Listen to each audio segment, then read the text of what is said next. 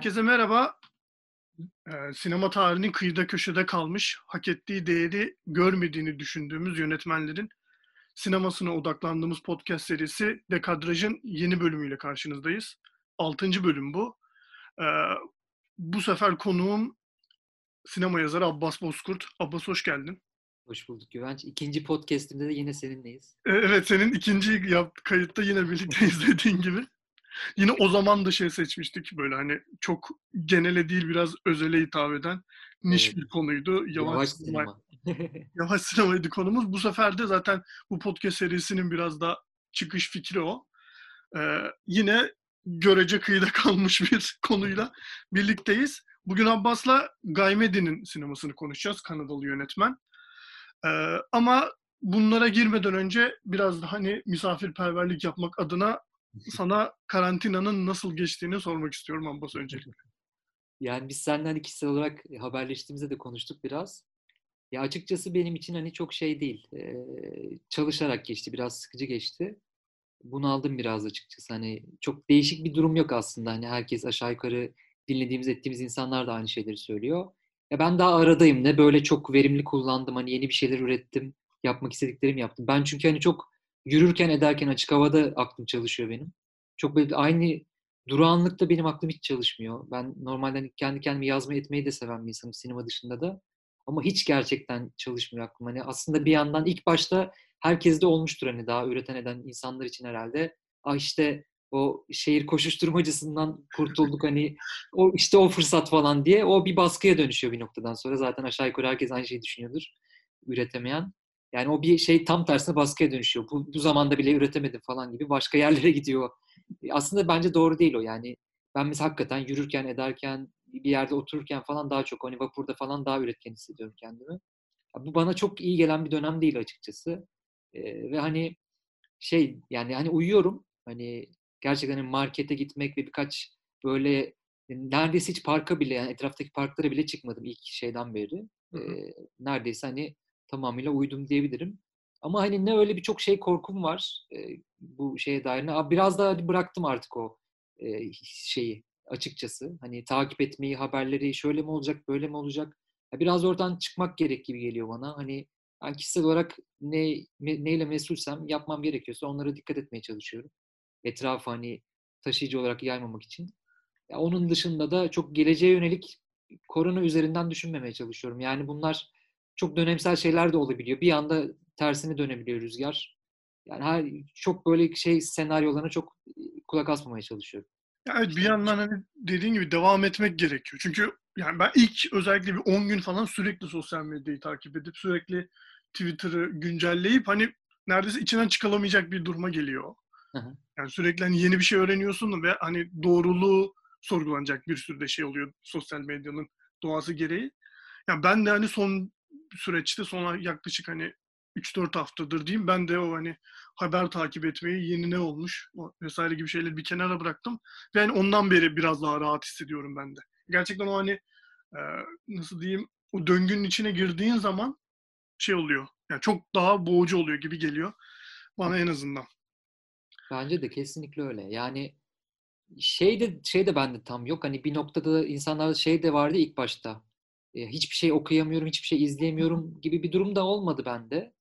E, hani biraz hani şey, zaten 7 gün çalışmak durumunda kaldım. Hani her şey dijitalde ilerlediği için ben de altyazının e, daha dijital mecralarıyla ilgilendiğim için, onun koordinasyonu yürüttüğüm için hı hı. E, benim için sadece daha normalde biraz daha eğlenceli bir şekilde Beyoğlu'nda hani arada sizi de görerek mesela evet. yapabildiğim işleri böyle odaya kapanıp yapmak durumunda kaldım. Ve çok rutin işler de var aralarında. Doğru.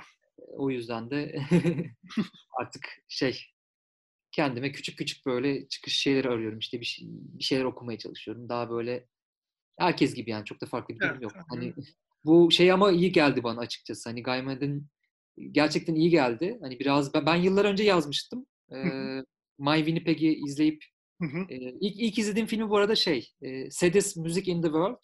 Aha. Ee, ilk izlediğim filmi oydu. Festivalde izlemiştim. İstanbul Film Festivali'nde. filmin tarihine bakayım yaşım da ortaya çıksın.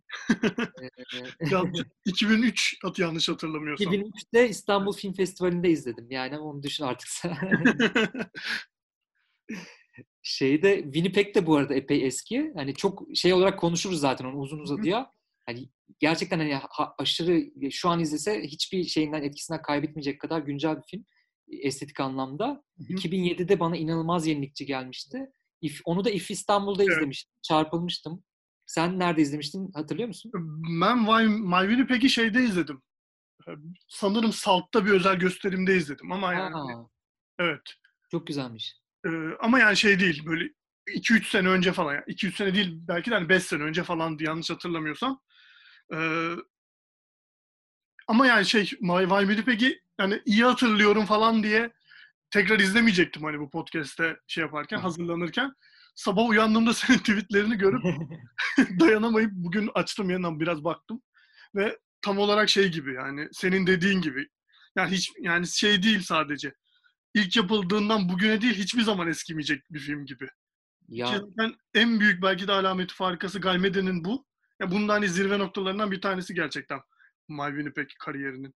Kesinlikle öyle. Ben bugün yani o kadar heyecanlandım ki tekrar hatırlayayım. Ben yazmıştım onu. En sevdiğim yazılarımdan biridir. Hani yazmak için en çok böyle heyecanlandım.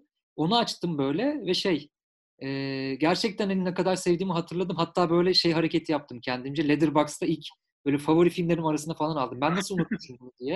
Ya çünkü gerçekten unutuyor insan bazen aşırı izlerken izlediğinde heyecanlandığı ve e, böyle gerçekten sinema için de gel yani o kadar çok şey vaat ediyor ki o kadar çok şey var ki içinde. Hani konuşmaya başlarız. Ee, hani ilk böyle hani bir ortadan dalayım dedim. Konuşmaya başlarız niye bu kadar önemli oldu. Hani Gaymadin tabii ki bir yandan bilinen bir yandan da bilinmeyen birisi.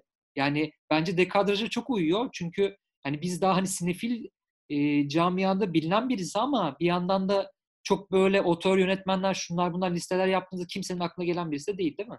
Yani evet öyle biraz da çünkü çok dışarıda kalıyor. Aslında yani şöyle bir yandan e, ya hani şöyle biraz daha sinefiller odağında konuşuyorum şu an. Aslında biraz onun hani yeniden yarattığı sinema anlayışlarına hakimsen bence filmlerin izlemesi çok eğlenceli. Dolayısıyla hani yani en azından kendi adıma söyleyebilirim filmlerini izlerken çok rahat hissediyorum kendimi. Ama bir yandan da hani çok orijinal. Ya sanırım bu arada kalmışlık onun hani böyle biraz daha nerede durul nereye konumlandırılacağını bilinmemek gibi bir şey. Bir de hani tamamen e, her döneminde o dönemin pratiklerini reddederek tamamen kendi bildiği şey yaptığı için yani kendi yapmak istediği şeyi yaptığı için hani hiçbir şeye de geleneğe de veya işte güncele de oturmuyor ya hani o dönemin işte Aha. sanat pratik, sanat sineması pratiklerine vesaire gibi bir yerlere oturtmak çok zor sinemasını. O yüzden hep bir dışarıda kalmışlık oluyor sanırım Galmedin için. Bana öyle geliyor en azından. Kesinlikle, kesinlikle. Yani bir de ya bir filmini izleyen varsa veya hakkında bir şey açıp ok- okuyan varsa, hani yeni tanışacak olanlar varsa ki biraz hani tabii dekadrajın amacı da o zaten. İlk görecekleri şey hani sessiz sinema estetiği olacak tabii. Ya ama sırf o da değil. Yani konuşmaya başladıkça açılırız. Ya gerçekten ben hani bu kadar önemsememin nedeni bütün sinema külliyatını. En baştan beri bu kadar iyi kullanan çok az yönetmen var bence. Yani sinemanın ilk döneminde olup da hani sessiz sinema dönem, dönemlerinden başlayarak hani kameranın ilk çıktığı dönemden bu yana e, var olan e, sinemasal e, araç takımın diyeyim hani bütün o yöntemleri işte en başta bence ara yazılar onu ayrıca bence bir başlık açarız. Ya onları bütün o e, o oyunculukları o gölge oyunlarını o ara yazıları vesaire bütün o yöntemleri bu kadar iyi kullanan ve hani bir yandan güncelleyerek ama bir yandan o dönemin de e, ruhunda taşıyacak şekilde kullanarak bütün o sinema tarihinden sürekli taze bir şey çıkarmak bana çok büyülü geliyor. E, ve bir filminde tek bir şey hiçbir zaman olmuyor. Zaten hani e, hakkında yazılmış çok iyi yazılar var. Burada öneririz birkaç tane. Hı hı. O kadar farklı ekollere şey yapıyor ki yani bunlar gönderme de denemez bu arada. Yani o ekolleri alıyor, onları şu anki oyuncularla çok başka bir şey dönüştürüyor. Ee, biraz da hani filmler üzerinden konuştuğumuzda somutlaşır. Biraz da şöyle genel böyle genel gireyim. Yani hani Alman dışavurumculuğu da var mesela ama hani sırf o da kesinlikle denemez. Oyunculuklardaki o abartı, sürekli o ne denir ona? Göz kırpma efektleri. Yani ilk dönem o Fransız sessiz filmlerindeki görüntü efektlerini veriyor. Film üzerinde oynuyor zaten. Film materyalleriyle oynamayı çok seviyor. Hı hı. E, onlardan tutun hani avantgard sinemaya yönelik şeyler yani o kadar fazla referans var ki bütün bunların yanında bir yandan da otobiyok kendi yaşamından çok fazla şey katıyor. Böyle bir tuhaf bir bohça yani. Gerçekten tam olarak bohça çok şey doğru bir ifade. Ben de işte biraz araştırırken hani nereden sinemasını toparlayıp e, konuşmaya başlayabiliriz diye düşünürken kendisiyle ilgili yapılan bir bir takım e, yakıştırmalara denk geldim diyeyim. Onları şimdi sayıyorum. Biraz uzun sürebilir bu arada. Şimdiden söyleyeyim. bir ta- ikincisi işte otodidaktist olarak geçiyor ki yani kendi kendine öğrenen insan, kişi anlamına geliyor. İşte çünkü herhangi bir sinema eğitimi yok. Hatta ekonomi eğitimi almış biri. Bankalarda falan çalışmış sinemaya başlamadan önce. ondan sonra sessiz film aşığı ki sen de buna biraz önce şey yaptın. parmak bastın. Yine benzer şekilde sinefil, e, bibliofil, işte kitap sever diye belki çevirebiliriz.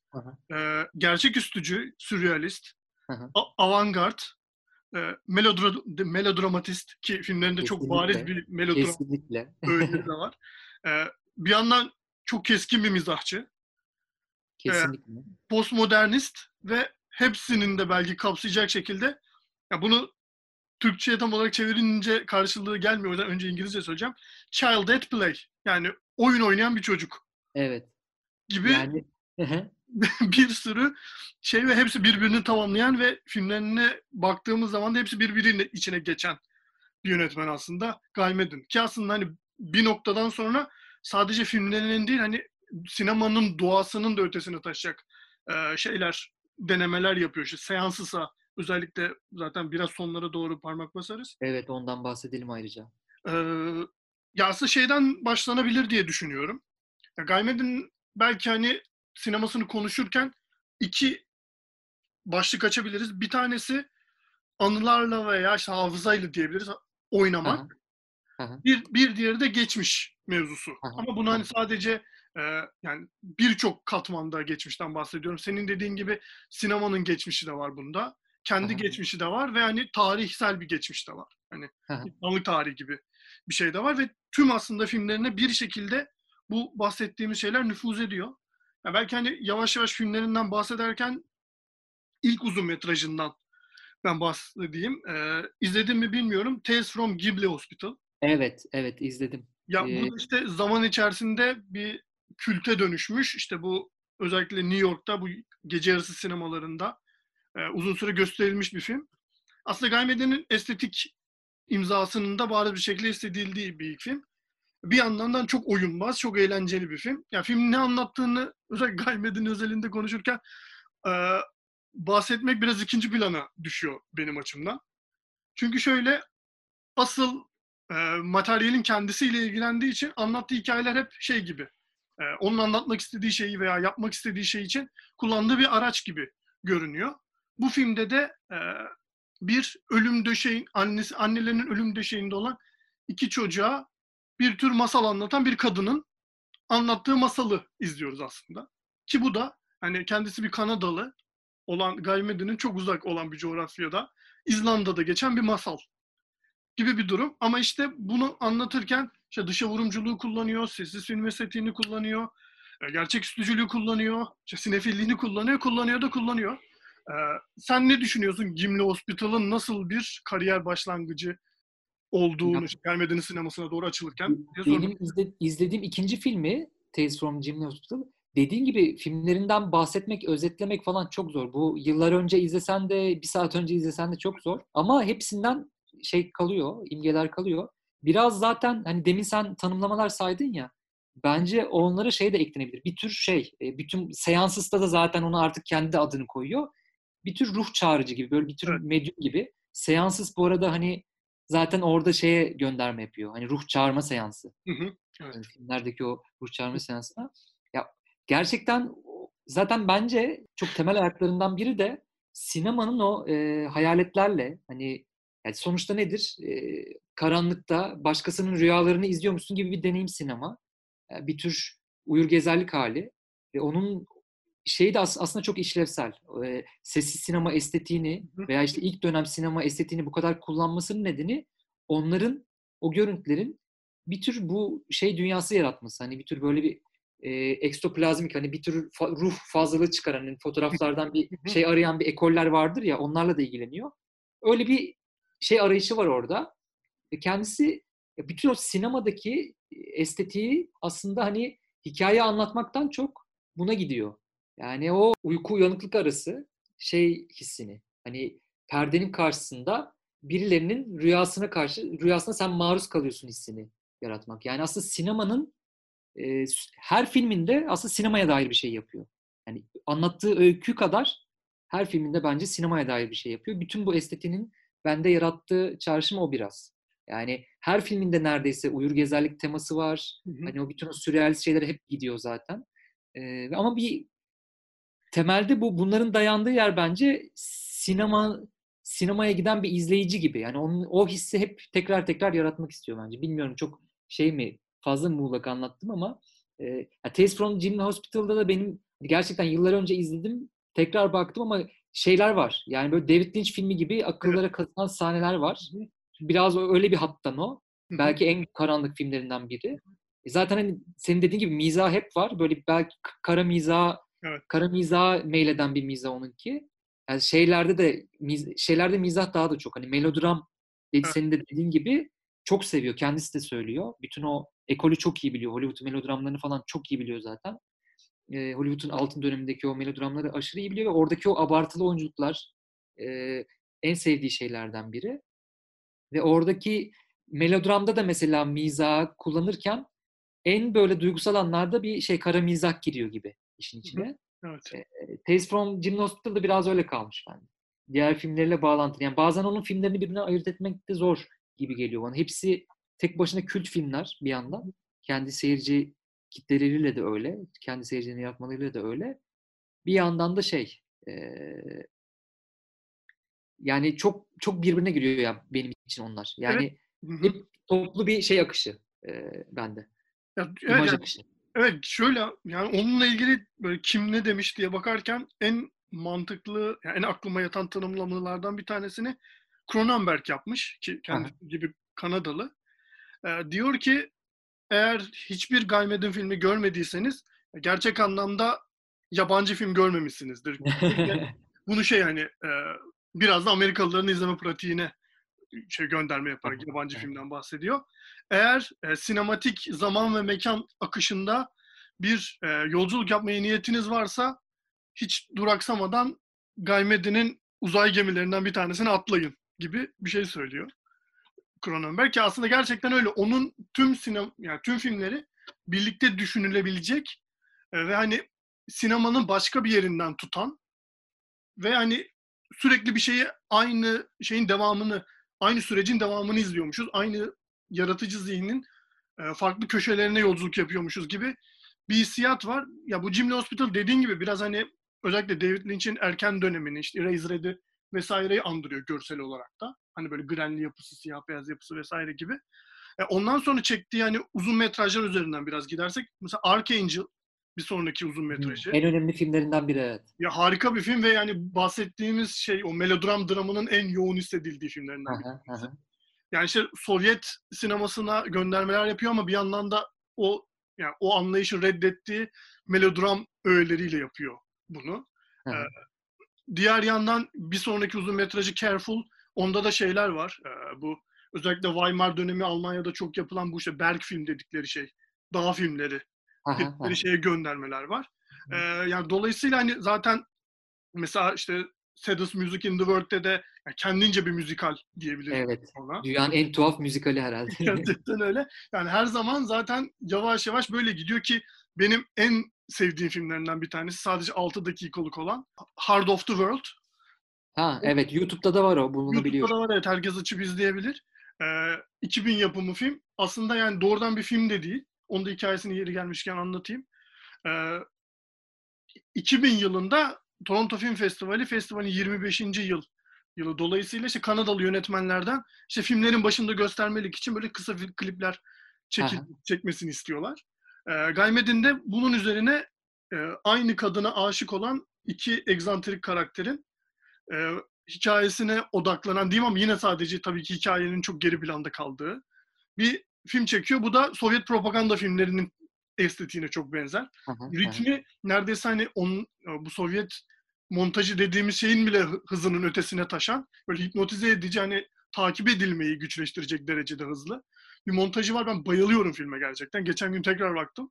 Yani Hı hı. şey değil hani karşı koyabileceğimiz bir deneyim değil gibi ki zaten e, ondan sonra film hani bu bahsettiğim gibi tanıtım videosu niyetiyle çekilmiş olmasına rağmen yani çok iyi bir kısa film olarak yolculuğuna devam ediyor. Hani birçok şey hatta e, listelere giriyor senenin en iyi filmlerinden biri olarak vesaire gibi bir durum var. İşte dediğimiz gibi işte melodram, dağ filmleri, müzikal e, veya işte Sovyet sinemasının estetiği falan sürekli bu bahsettiğimiz e, sinematik unsurları kendince yoğurup yoğurup yepyeni şeyler çıkartıyor. O yüzden çok önemli dediğin gibi. Her her filmi çok bildik bilindik şeyler gösteriyor gibi. Ama bir yandan da hepsi çok yeni ve hiçbir zaman da eskimeyecek gibi. İşin büyük tarafı.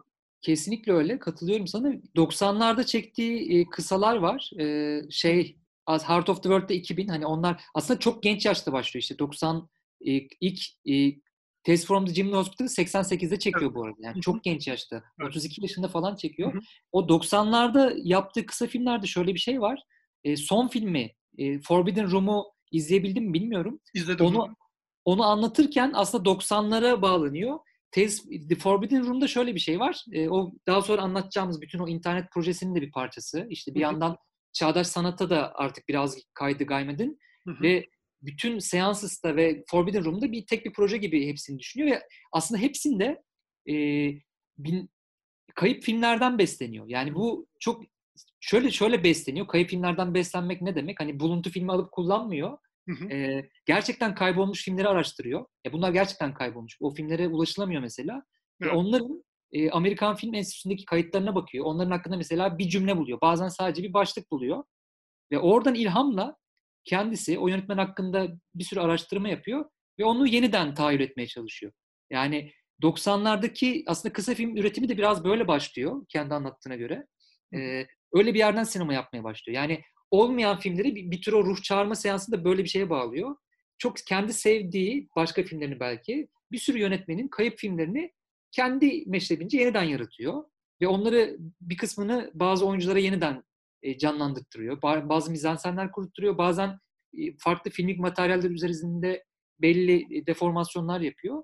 Bu şekilde başlıyor aslında sinema macerası. Ve hala da aslında bir yandan o şu anki Forbidden Room'da son e, filminde de Hı hı. e, or- en, en son 2015'te çekti filmi Forbidden Room'u. Şu an başka bir şey üzerine çalışıyor. Yani yine aslında ona dönüyor. Çünkü bütün bu e, film macerası aslında biraz böyle bir yerden gücünü alıyor. Sinema sinemayı çok seviyor, bütün o tarihini ve sürekli her yaptığı şeyi bir şekilde oradan besliyor. Demin senin bahsettiğin hani dağ filmi ekolünden tut da Sovyet mo- montajına veya işte Sovyet propaganda filmlerine hepsini bir yere dayandırıyor ama bu bildiğimiz anlamda böyle referans verme şeyi falan o tür e, yöntemlere de çok benzemiyor gerçekten. Yani bence ilginç tarafı o. Çok onları alma şekli çok ilginç. E, hepsini bunun için e, İngiliz eleştirmen Jonathan Romney'nin çok güzel bir tabiri var. Hı hı. Bence aslında bir yandan he- her şeyi özetliyor tek bir cümleyle. Gaymadin'in yaptığını, bizim hani bir sürü şeyle anlatmaya çalıştığımızı. şey şey diyor yani e, ya filmleri tabii ki hani sürelsi olduğu için falan da bilinç dışıyla uğraşır ama hani o bilinç dışı bir yandan da sinemanın kendisinin bilinç dışı diyor. Yani her filminde yaptığı aslında bir yandan sinemanın bilinç dışını kurcalamak, ona bir şeyler sürekli böyle bir çomak sokmak diyor. E bence hani çok güzel özetliyor bütün bu yapmaya çalıştığı projeyi. Ya mesela evet bir de bir yandan da şey de var ya dediğin gibi işte modern sanatla da ilgileniyor, diğer sanat dallarıyla da ilgileniyor. Şeyde mesela çok ilginç bir proje. Hani biraz da tarih akışını takip ediyormuş gibi işte 2000'lere gelmişken 2002 yapımı Dracula izledim mi bilmiyorum. Aa onu izlemedim. Dracula Pages from a Virgin's Diary.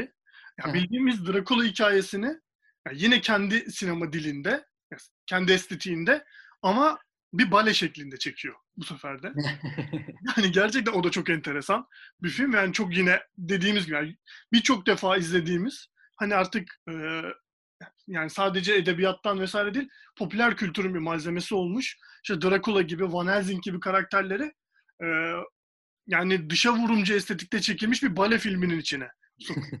gibi tanımlayabiliriz belki ama yine dediğim gibi izlemiş. Muhteşem bence yani. Şu, Yani- şu cümle bile yeterince çekici yani. Yani şey değil hani bunu cümle gerçekten belki de şey bir yandan konuşacak çok şey var. Çok seviyoruz. Çok uzun uzun anlatabiliriz ama ne kadar da anlatırsak anlatalım hiçbir bir Gaymede filmi izlemiş olmanın olmaya dair fikir bile vermesi çok zor gibi geliyor bana. Şimdi düşününce çünkü cümleyi kurdum. Hani biraz önce senin çekici dediğin cümleyi kurdum ama bir yandan da hala yetersiz gibi geliyor. Çünkü yani şey sınırsız bir hayal gücü var neredeyse filmlerinde. Bu şeyi çok kullanıyor bu arada hani şey kelimesine çok önem veriyor. İngilizce un, uninhibited diyor. Hani röportajlarına falan baktığınızda o melodramı falan da ona bağlıyor. Hani melodramı neden bu kadar sevdiğini. E, bütün o e, ya benim için şey önemli diyor. İşte mesela rüyalar, uyur gezerlik, hani histerik anlarımız, hani kontrolden çıktığımız o yani kendi içimizden taştığımız anlar önemli benim için. Hani tutamadığımız, normalde yapmayacağımız şeyleri yaptığımız anlar önemli diyor. Bütün filmleri böyle bir aslında histerik şey var. Hani filmlerine genel olarak baktığımız o oyunculuklara, o abartılı hallere o şey var. Ee, oradan bir o şeye bağlama, şey aklıma geldi de onu o melodramdan oraya bağlamak istedim. Sen hani o dizginlenemezlik çok önemli. Yani bütün o hayal gücünün dizginlenemezliği de öyle. Gerçekten hani gerçekten hep bir manik hal var. O şeyi de öyle. Hani o Sovyet montajından Evet. ya işte bu avantgardların hani o manik kurgu şeyle sürekli şey atlayan çağrışımlar dünyası böyle bir onların hepsi var. Biraz sürrealizmden beslendiği şeylerden biri de bence böyle bir daha böyle erotik fantazi şey veya obsession. Daha böyle erotik takıntıların da kendisinin veya böyle bir etrafta gözlemlediği tam adını koyamadığınız bir sürü takıntıyı daha böyle bir bir cinsel şey olduğunu görüyorsunuz alan orada ama Evet. tam adını koyamıyorsunuz. O da bence çok önemli. Oradan sürrealistlere de bağlanıyor. Hı hı. Ee, bir de şeye de bağlanıyor. Ee, o da bence çok önemli. Bütün bu e, sen yine hani film film gidersin bence. Bu arada Dracula gerçekten benim en merak ettiğim filmlerinden biri ama Hı hı. e, hani bu ben biraz daha genel hani şey hissi Evet, evet. aklımdaki kadar, kaldığı kadarıyla vermek istiyorum. Ulipo vardır ya mesela hani şey ekolü. Daha böyle rastgeleliğe, şansa Evet. şey Hı hı. alan tanıyan edebiyatta da var hani karşılığı. O ekolden çok beslendiğini de söylüyor. Bütün bu e, son film hani Forbidden Room'da da öyle. Hani hatta şeyin adını veriyor. Raymond Roussel diye e, bir edebiyatçının adını veriyor. Bütün o e, rüyaların iç içe girmesi. Hani her- herkesin artık Inception'la andığı o olay.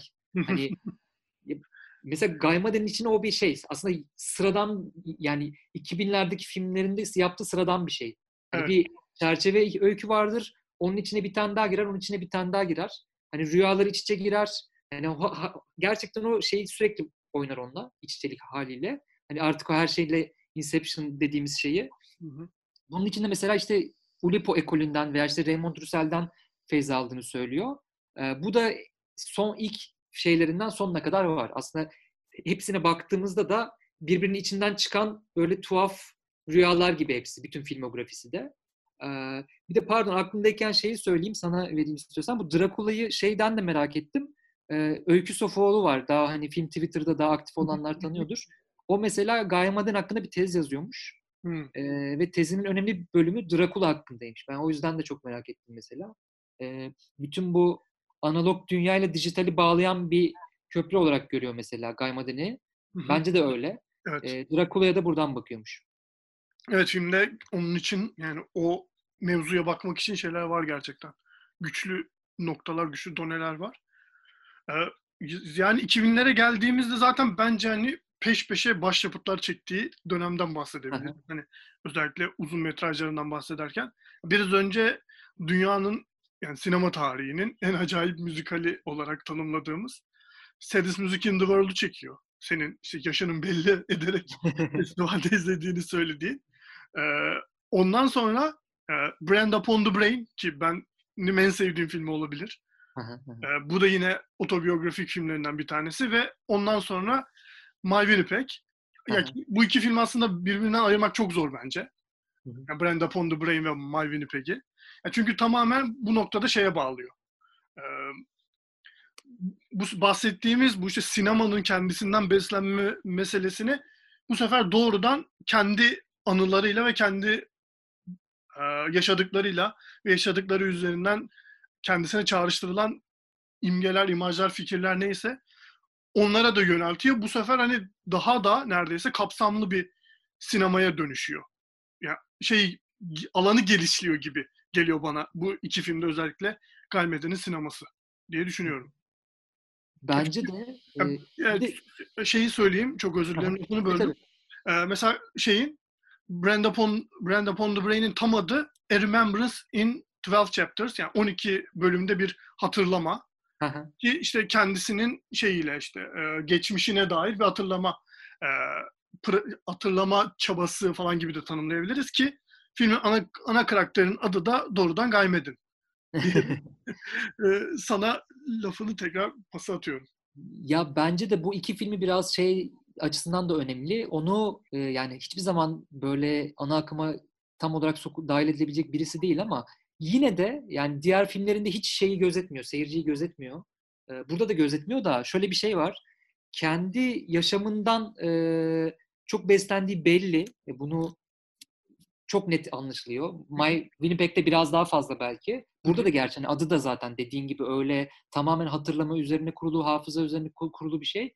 Bir hani ama hani bir yandan böyle kişisel bir yerden yakalayınca e, sanırım seyirciyle daha da bir bağ oluştu. Yani ben şeyi hatırlıyorum hani 2000'lerden itibaren takip edince şeyi hatırlıyorum. Bu, bu bir şey noktası oldu Gaymad'ın için. Bir eşik noktası olan. Sinefil camiasında tabii ki hani daha belki sinema tarihine yaptığı göndermeler ve ara yazıları mesela inanılmaz kullanışı, daha böyle sinemasal mecraya kattığı şeylerle belki hani öne çıktı. Ama benim için de özel olan iki film bu. Ee, ve hani My Winnipeg biraz daha aşinalığım da fazla olduğu için tekrar tekrar izlediğim için ya My Winnipeg gerçekten benim için onun hakkında biraz konuşmak isterim. Ee, Evet ya zaten bence de ya Gaymede'nin hani dedim ya yeni bir evreye giriyor gibi hani daha alanını genişletiyor. Yani Aha. şey yani referans noktası bir film vereceksek Gaymede'nin sinemasına giriş gibi bence de o My Winnipeg olmalı diye düşünüyorum. Bugün Kesin. tekrar izledikten sonra hani şeyim çok netim bu konuda. Kesinlikle. Ya şey açısından e, mesela o kadar ya on ben hani şeyde tweet de atmıştım bu konuda. Gerçekten şeyi hatırlayınca iyi oldum Gaymed konusunda. Ya ben gerçekten bir ara böyle monografi falan yazmak istiyordum. Çünkü o kadar farklı yerden o kadar farklı bakılabilecek şey var ki e, sırf mesela şeyden bakabilirsiniz. Benim bir arkadaşım hani belgeselle ilgili ders veriyor mesela Hı e, hı. üniversitede ve hani belgesel dersinde o izlettiği filmlerden biri bu. Ya çünkü şey ya bir yandan bir şehirle ilgili factual şeyleri kullanıyor. Yani çok daha böyle belgelerle bulabileceğiniz şeyleri kullanıyor. Hani şehrin planına kadar. Bir yandan o, o şehirle ilgili kendi uydurduğu materyalleri, kendi belgeleri uyduruyor.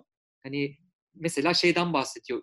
Farklı mesela işte kadınlar, erkekler vesaire bir sürü farklı yaş grupları için üst üste binen bir havuzdan bahsediyor. Tamamen bir kendi fantezi dünyasından bir şeyden bahsediyor. Bunu o an bir an iki saniye sonra çok o şehirle ilgili bir belgeden bahsediyor. Hani hakikaten olmuş bir şeyden bahsediyor.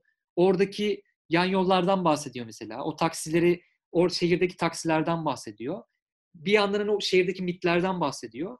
E, Bütün e, filmi öyle bir e, belgesel, fantazi arasında kuruyor ki, yani öyle bir dengede kuruyor ki e, zaten bunların ayrımına hiçbir şekilde kafa yormuyorsunuz. Yani kaptırıyorsunuz kendinizi ve hani oradaki o teorik tartışma için çok fazla malzeme var bir yandan ama bir yandan da kendinizi o perdedeki yani hipnotik şeye bırakıyorsunuz. Yani hakikaten bir hipnotik kelimesinin karşılığı olabilecek bir film. Hı hı. Bence ses kullanımı e, inanılmaz önemli Gaymadin'de. Evet. Yani teknik anlamda çok fazla kattığı şey var. Ben o yüzden de hani dekatrajda konuşmak istemiştim. E, böyle bir çok tuhaf bir ses kullanımı var ve burada şaikasını görüyoruz bence. Böyle bir net o sesin şeyi yok. E, tam bir bedene kavuşan bir ses değil, üst ses. Burada kendi seslendiriyor. Evet. O açıdan ayrıca önemli. Mesela sen şey demiştin, Brand Upon the Brain'de karakterin adı Gaymadin. Burada kendi seslendiriyor üst sesle ve üst ses inanılmaz önemli. Çünkü sürekli aslında şey, yani bir yandan e, gördüklerimizden bazen ayrı akıyor gibi. Birisi sırıtlıyor gibi. Çok böyle şeyden gelen, hani tekrarlı ve seni o hipnotik alana çeken bir ses. Bir ama şey de değil. Bir yandan hep seni aktif kılıyor. Hiç öyle bir uyuklama haline vesaire tam giremiyorsun. Bir yandan hani sürekli sende duygular çağrıştırıyor. Ee, aktif kılan da bir ses seyirciyi. O hani şey denen bir şey. Yani daha böyle hani film kuramında disembodied voice vardır ya. Evet. Nereye koyacağını bilemezsin. Türkçe'ye tam şu an çeviremedim ama hani tam bir ne denir tecessüm etmemiş. Tam bir net bir bedeni olmayan ses diyebiliriz belki. Evet, sahibi belli olmayan gibi Evet. belki. Evet. Bence onun en iyi kullanımlarından birisi bu. Böylelikle aslında çok kişisel bir anlatıyı bütün şehre yayıyor. Seni oraya çok güzel davet ediyor. Senin e, yani herkesi bir, bir tür hat, hatırlama kendi hafızasının derinliklerine e, inmeye zorluyor. E, ben şeyi çok net hatırlıyorum. O bende en güçlü kalan şeylerinden biri o tren. Yani aslında evet. hani filmin temelinde şey var. E, bir Winnipeg'den kendi doğup büyüdüğü olan o küçük Kanada kentinden hala da yaşıyor bu arada. E, çıkmaya çalışan biri var ama bir yandan da çıkmak istemiyormuş gibi. Ve o kent o bir, bir, bir trenle onu özdeşleştiriyor ve o tren sürekli annesinin e, bir an bazen öyle devleşen ayağının altında dönüp dolaşıyor. Bir evin oturma odasında bir oyuncak tren tarzı bir şey var. Hı hı. Ve annesinin ayakları altta dolanıyor ve aslında çok böyle hakikaten e, psikanalitik okumaya da açık. Yani sonsuz yani bu iki film de öyle. E, anne üzerinden, anneyle olan dertleri üzerinden çok fazla psikanalitik okumaya da açık e, filmler.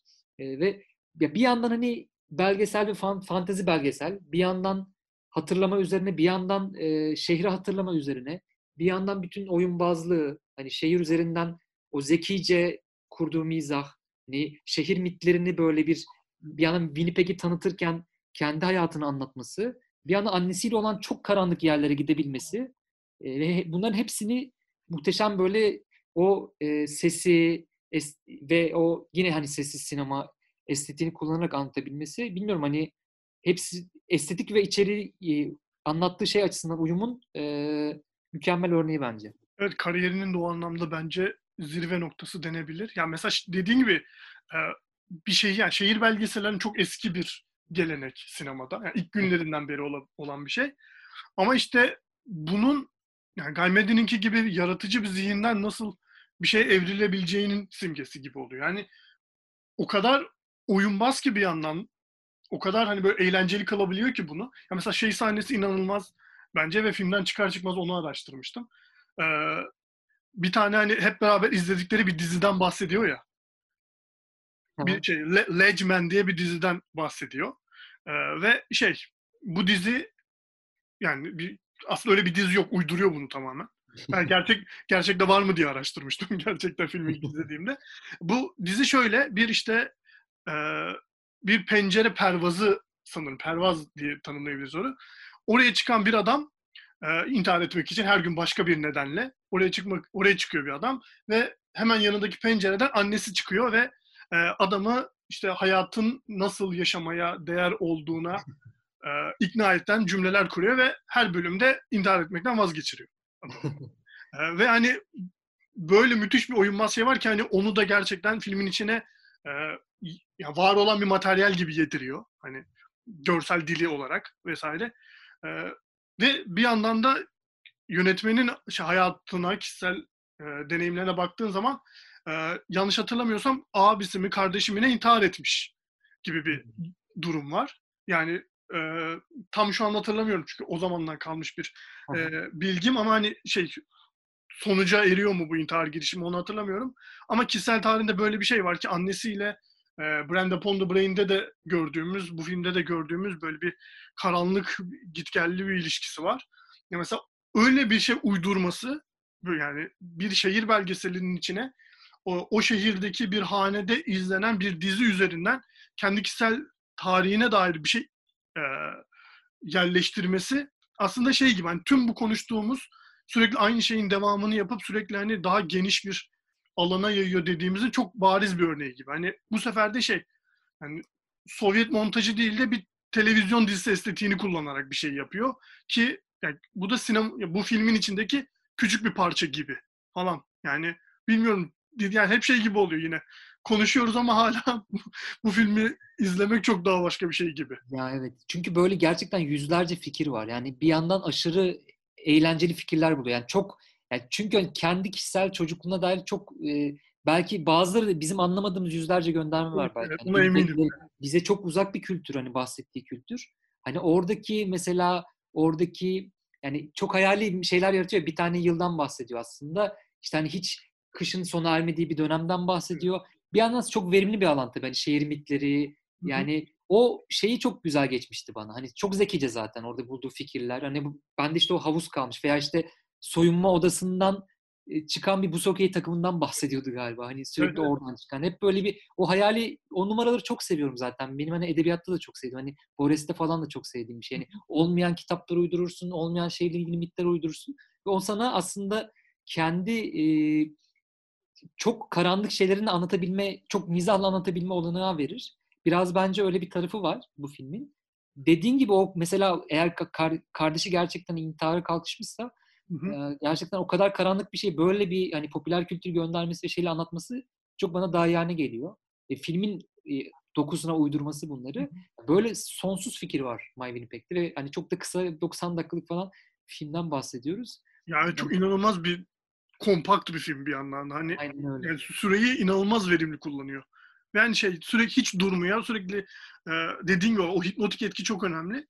E, şeyi söylemek istiyorum bu arada. Buz okey takımı da şey babası da buz okey koçuymuş. Yani ve şey yani çocukluğunun büyük bir kısmını zaten filmde de onu biraz anlatıyor. Çocukluğunun büyük bir kısmı işte Winnipeg'deki buz okeyi sahasında işte onun soyunma odalarında falan geçmiş. Ama onu da çok tuhaf bir fanteziye, o dediğin erotik fantazilere doğru bir yere meylettirerek anlatıyor. Yani dediğin gibi yani müthiş bir alan açıyor. Hem şehirden bahsederken hem de kişisel tarihine bahsederken çok iyi bir araya geçiriyor, bir araya getiriyor. Bu ikisini yani şey gerçekten tanımlanması zor ve hani sinema tarihinin belki en şeyi benzersiz filmlerinden bir tanesi olarak anılacak sürekli gibi geliyor. Çünkü hani mesela e, belgesel dediğimiz şeyin aslında doğasını reddedip içine yani saf fantazi katarak hala bir yandan da o belgesel duygusunu kaybetmiyor olması inanılmaz bir şey bence yani. Kesinlikle. Ya Ya çünkü oradaki O şehre dair bir şey öğreniyorsun bir yandan da. Mesela o finalinde var ya hatırlar mısın bilmiyorum. If Day diye bir şey var. E, Bu Winnipeg'de yapılmış. Ee, ya bu şehre hani Kanada'nın batısındaki bir şehirden bahsediyoruz.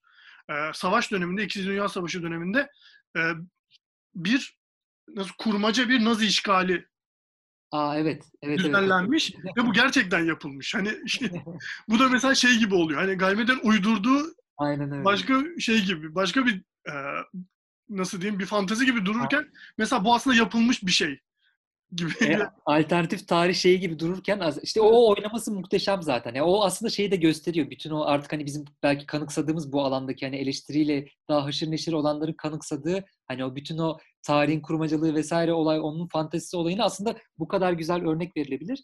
Demin senin dediğin şey bence hani bir sonraki filmi Keyhole 4 Hı. sene sonra çektiği bu o da bence bu arada hani burada yaptıklarıyla uyuşuyor. Çünkü bütün filmlerinde ve özellikle Winnipeg'de ve Brenda Pond Brain'de bende şey hissi var.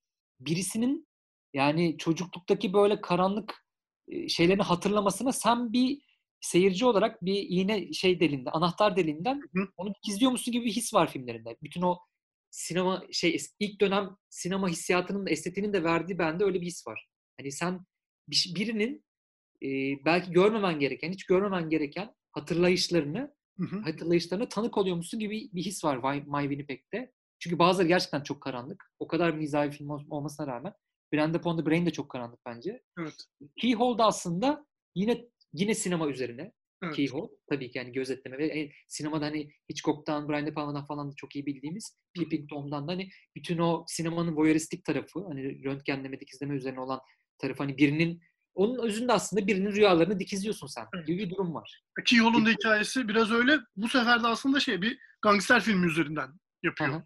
benzer bir şey. Yani bu en bahsettiğimiz hani işte müzikale, işte Sovyet sinemasına, e, işte yani tüm o bahsettiğimiz şeyleri, o türleri, alt türleri bu sefer de hani sinemanın doğası olan o voyeurizm üzerinden, röntgenli, röntgencilik üzerinden bu sefer de hani başka bir filmik unsur olan gangster filmleri üzerinden yapıyor. Yani ki o da hani e, görece az bilinen filmlerinden bir tanesi Keyhole. Yani 2000'ler özelinde baktığımız zaman özellikle. Evet. Ama Evet. yine de hani bu bahsettiğimiz Gaymed'in sineması için çok önemli bir tamamlayıcı. Tüm şeyi çizerken, tüm çerçeveyi çizerken.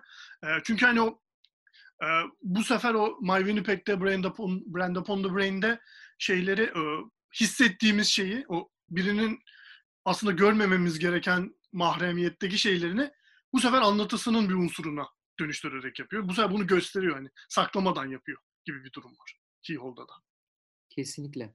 Ee, Bence şey bilmiyorum sen hani Keyhole'dan devam etmek istiyor musun? Bence seansa geçebiliriz. Evet çünkü... yani çünkü yani zaten az çok e, sinema yani şey sinema olarak bildiğimiz şeylerde hani daha klasik anlamda sinema olarak bildiğimiz şeylerde üç aşağı beş yukarı bir çerçeve çizdik ama seanssız bunun bir adım sonrası gibi.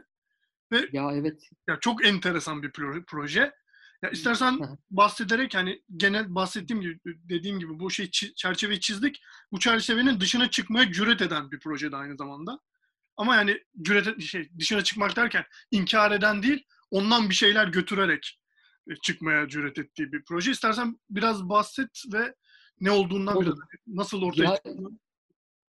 Demiştik hani sinemanın ilk yıllarındaki şeyleri metotları kullanıyor. Bu da sinemanın geleceği diyebiliriz. Hatta sırf sinema değil. Yani her bütün o multimedyanın falan geleceği olabilecek bir şey. Hı hı. Bu şöyle bir bu arada bunu e, hani bizi dinleyenler e, bitince gidip e, seanssız Gaymadin yazıp bulabilirsiniz. Şu an internetten takip edebiliyor. Evet. E, şöyle bir fikri var. E, şeyden bahsetmiştim hani 90'larda şeyle başlıyor. Hani kayıp filmleri buluyor, onları yeniden bir kısmını canlandırıyor. Bu projede böyle aslında. E, kayıp filmleri oyuncularla, kimi çok ünlü olan oyuncularla yeniden canlandırıyor. Onlar hakkında bulduğu bilgileri kullanıyor. İşte bazılarının başlığını kullanıyor, bazılarının kısa hakkında kısa yazılmış bir sinopsis tarzı bir şeyi kullanıyor. Yeniden canlandırıyor. Bu böyle bir sürü sahne canlandırıyor. Ellerinde bir materyal biriktiriyorlar. Ee, bu bir şey projesi bu arada. İnternet projesi ama bir de enstelasyon ayağı var. Evet. Ee, yani aslında bir çok mecralı bir sanat projesi gibi düşünebiliriz. Ama olay şu, e, internet, Seans adlı internet sitesine gittiğinizde e, bastığınızda bir film çıkıyor karşınıza ve o fi- film bir kere çıkıyor.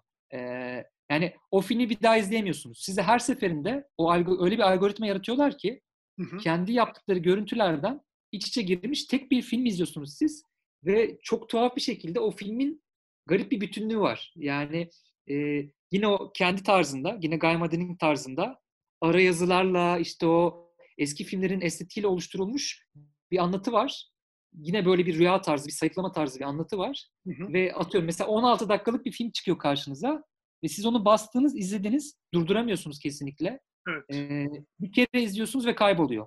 Yani ismi biraz buradan geliyor. Hani bir tür ruh çağırma gibi. Hı hı. Şey diyor yani ben bir medyumum, benim aracılığım aracılığımla siz kaybolan filmleri filmlerden hani ben bir medyumum tamam benim bedenimden geçmiş halini göreceksiniz. Biraz benim yorumum olacak o benim bedenimden geçmiş hali.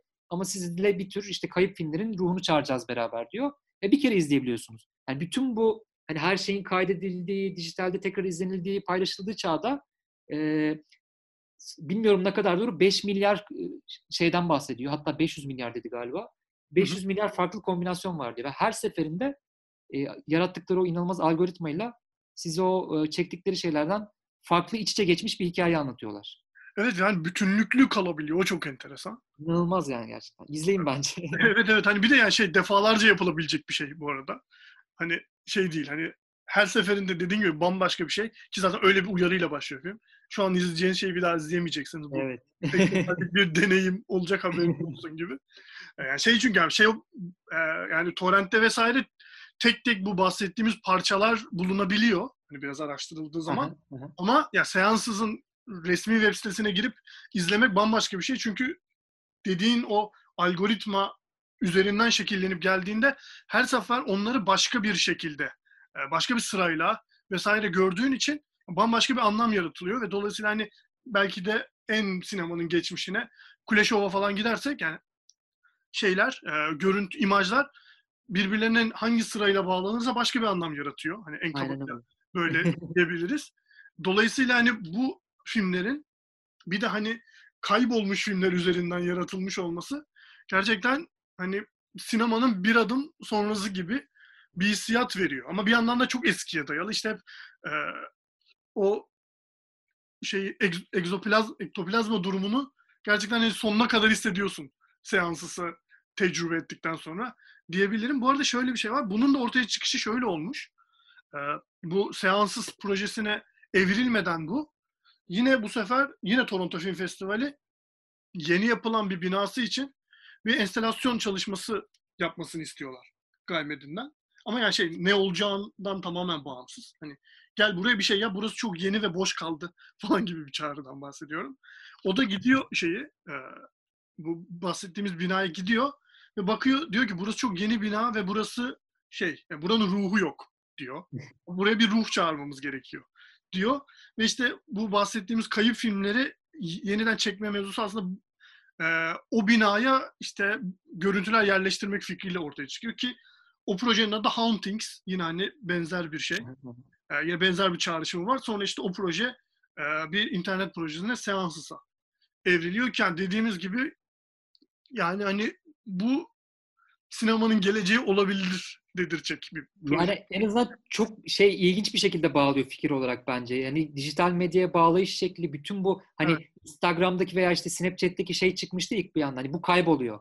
Evet. Onun önemi hani Hı-hı. tabii şu an o, o şeyler de kalktı ama Hı-hı. hani her şeyin kayıt altında olduğu bir çağda bence çok bana çok ilginç geliyor deneyim ve ya ara yazılar çok ilginç. Arayazıların algoritması, yani evet. başlıklar da bu arada her seferinde o algoritma yeniden yaratıyor ve çok ilginç şeyler çıkıyor. Yani gayet şiirsel diyebileceğim. Arayazıların etkisiyle kafanızda bir şey oluşuyor. Yani tuhaf bir bütünlük oluşuyor. Yani şey ee, değil gerçekten. Yani şey hissiyatı olmuyor. Bu random bir şekilde, rastgele bir şekilde izliyorum hissiyatı oluşuyor. Evet. O çok evet. önemli. evet. Bu, bu arada Salt'ta da ben kaçırdım hani ama 2015 sanırım. Evet. Ee, Salt'ta da e, Salt Beyoğlu'nda da enstelasyon olarak gösterilmiş Hayaletler adıyla galiba. Evet bu ee, Huntings projesinin sanırım şeyiydi o işte. Evet. Evet. Seansısa evrilmeden önce. Yani çünkü Seansız bir internet projesi. Dediğim gibi evet. o dijital algoritmanın çok aktif olarak içinde yer aldığı bir proje. Ee, diyerek belki şey son olarak da ben şeyden bahsedebilirim. Bayağı konuştuk. The Green Fog'dan bahsedebiliriz. Evet. Ee, o da e, aslında e, yani çok benzer bir yerden alıyor damarını. Green Fog da şöyle bir film. E, daha önce çekilmiş e, bazıları bilinen bazıları hiç bilinmeyen yani televizyonda gösterilmiş kaybolmuş dizi bölümleri de dahil buna. E, yani daha önce çekilmiş e, footage'lardan, görüntülerden Alfred Hitchcock'un Vertigo'sunu yeniden yaratıyor. Oh. e, ya bu sanırım geçen seneki festivalde gösterilmişti.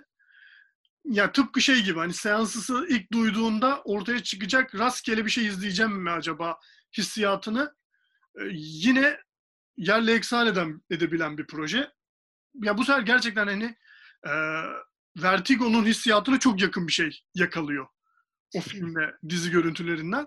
Yani dolayısıyla hani bu sefer hani yine şey bildiğimiz daha e, geleneksel sinema medyumuna yakın bir şey. Green Fog hani başı olan sonu olan bir şey ama hani başka bir şeylerin ruhundan ruh çağırarak bir başyapıtın ruhunu yeniden yaratmak gibi tuhaf bir şey. Ee, yani, dünyanın yani, en iddialı projesi bir yandan aslında. bu arada şey geçen gün baktım e, bu karantina sürecinin ilk günlerinde online izlemeye açılmıştı. Kapandı evet. İzleniyordu ama şey e, kapatmışlar. Kapandı. Ben de izleyemedim açıkçası. İtiraf edeyim. yani onu bir yerden bulup izlemeni şiddetle tavsiye ederim. Çünkü hani şey gerçekten Vertigo izlediğini hissediyorsun. Ki zaten ben. Vertigo'nun da şeyi var ya hani bu çok özel bir ruhu olan bir film yani. Aha, aha. Şehirle ilişkisi vesaire şunu onun yani bir sürü farklı e, nedenden. Yani o hani Vertigo'yu hayatının bir noktasında deneyimlemiş bir insan hani ona dair en azından duygusal e, hafızasına bir şey kaydediliyor. Ve film onları çok incelikli bir yerden çağırabiliyor. Hani gerçekten evet böyle bir şeyler hissetmiştim Vertigo izlerken gibi bir şeyden. E, çünkü hani olay örgüsünü falan yakalamak tabii ki çok zor. Hani yani çok paralellik yakalamak zor. Ama yani senin dediğin o ruh çağırma şeyine, e, pratiğine çok yakın bir hissiyat yaratıyor diyebilirim The Green Fog için. Çok güzelmiş. Ya keşke izleyebilseydim. Ben onu daha nasıl açık diye kaçırdım. Şey söyleyeyim ben de. Ya bu herhalde artık şeyin e, Gaymade'nin e, yani kendi arzusunun da tepe noktası olabilir. Çünkü şey diyor söyleşilerinde. Hani benim için ideal film çekme şekli hiçbir şey hani film yapma şekli hiçbir şey çekmeden hani evet. var olan materyalle hani bir şekilde o sentetik materyali kullanarak yapmak diyor. Hani buluntu filmin mantığına da tabii uygun bir şey. Hı-hı. Herhalde bu artık şey yani Vertigo'yu o şekilde ruhunu yaratmak bence çok tepe noktası olabilir. Bundan sonra nereye gidecek bilmiyorum. Ama e, bu arada hani hep e, şey adını vermeyi unuttum. Ben çok çok da filmlerine o kadar hakim olmadığım bir e, aslında efsane bir yönetmen de Josef von Sternberg. Hani Avusturya. Asıllı Amerikalı yönetmen. ona çok şey borçlu olduğu hep söyleniyor. Bütün bu hem işte o melodramı, abartılı oyunculukları vesaire hani dekor kullanımı, diyalogları şey kullanımı, hani oradaki de abartı, histerik şey kullanımını veya işte bir yandan da bütün bu e, film tarihine göndermeler açısından e, Sternberg'e çok e, borçlu olduğu söyleniyor. Onu da almadan geçmeyeyim. Son olarak onu söyleyeyim. Evet özellikle hani Sternberg demişken ya şey bir sessiz dönemden çok iyi filmleri var özellikle. Yani şeydir en bilineni. E, Mavi Melek'tir. Sessiz dönemde çektiği, peş peşe çektiği Underworld, e, The Last Command ve Dogs of New York diye üç tane filmi var. Yani evet hani biraz şimdi sen dedikten sonra e, birlikte düşününce onun hem o melo şeyi yani sessiz film estetiği ve abartılı melodramını böyle hani şey yapabiliyorsun. Örtüştürebiliyorsun gerçekten. Diyerek var mı hani atladığımız bir şey diye düşünüyorum. Bayağı Bence hani, epey bir şey yaptık. Düştüm. Hani evet. e, bütün filmografisinden de gittik. Gel şey de çok bulunuyor. Kısa filmleri e, veya işte bahsettiğimiz filmlerden kısa e, fragman. Zaten çok böyle kendisi de hani fragmenter çekmeyi sevdiği için evet, belki evet. hani her filmi tam baştan sona izlemezsiniz ama e, YouTube'da, Vimeo'da bulunabilen şeyler var. Parça parça. Hani Tales from Jimmy Hospital'ın olsun. My Winnipeg bile var gördüğüm kadarıyla. Yani bazen o fragmenter şeyler bile çok hissini verebilir. E, bütün bu arada hani bahsediyoruz bazıları çok eğlenceli ama hepsini de izlemek o kadar kolay olmuyor tabii. Evet, yani çok, çok çok karanlık bir şey de var bazı evet. filmlerde. Ya mesela hani kısa filmlerinden bir tanesi şey gördüğüm için örnek verebilirim. Brenda Pondebreyn'in işte çok iyi bir ses çalışması var bu arada. Onun da onu hani e, atlamış gibi olduk konuşurken yani müthiş bir foli çalışması var orada. Orada mesela oradaki foli çalışmalarını çektiği bir kısa film de var. Yani ona da denk gelebilirsiniz. yani çok böyle hani çok da şey gitme gitmemek hani sessiz filmlerine dalmamak o açıdan faydalı olabilir ilk etapta diye bahsedelim. Çünkü onun dünyasına girdikten sonra zaten her şeyini merak etmeye başlıyorsun. Daha ne yapmış olabilir diye. gibi bir durum var. O zaman Abbas çok teşekkür ederim. Çok keyifli bir sohbet oldu gerçekten. Ben de çok teşekkür ederim. Bana hatırlattığın için Gaymedin'i. Gaymedin'i hatırlama kelimesi zaten yan yana çok yakışıyor. yani evet onun üzerinden de böyle bir hatırlama üzerine bir sohbet gerçekleştirmek gerçekten çok keyifli oldu. Diyerek Dekadraj'ın 6. bölümünün sonuna geldik. Bir sonraki bölümde yine gelenek artık gelenek olduğu üzere sinema tarihinden görece az bilinen ama bizim usta atfettiğimiz bir başka yönetmenin sinemasını konuşacağız. Dinlediğiniz için çok teşekkür ederim. Sonraki bölümlerde görüşmek üzere. Hoşçakalın.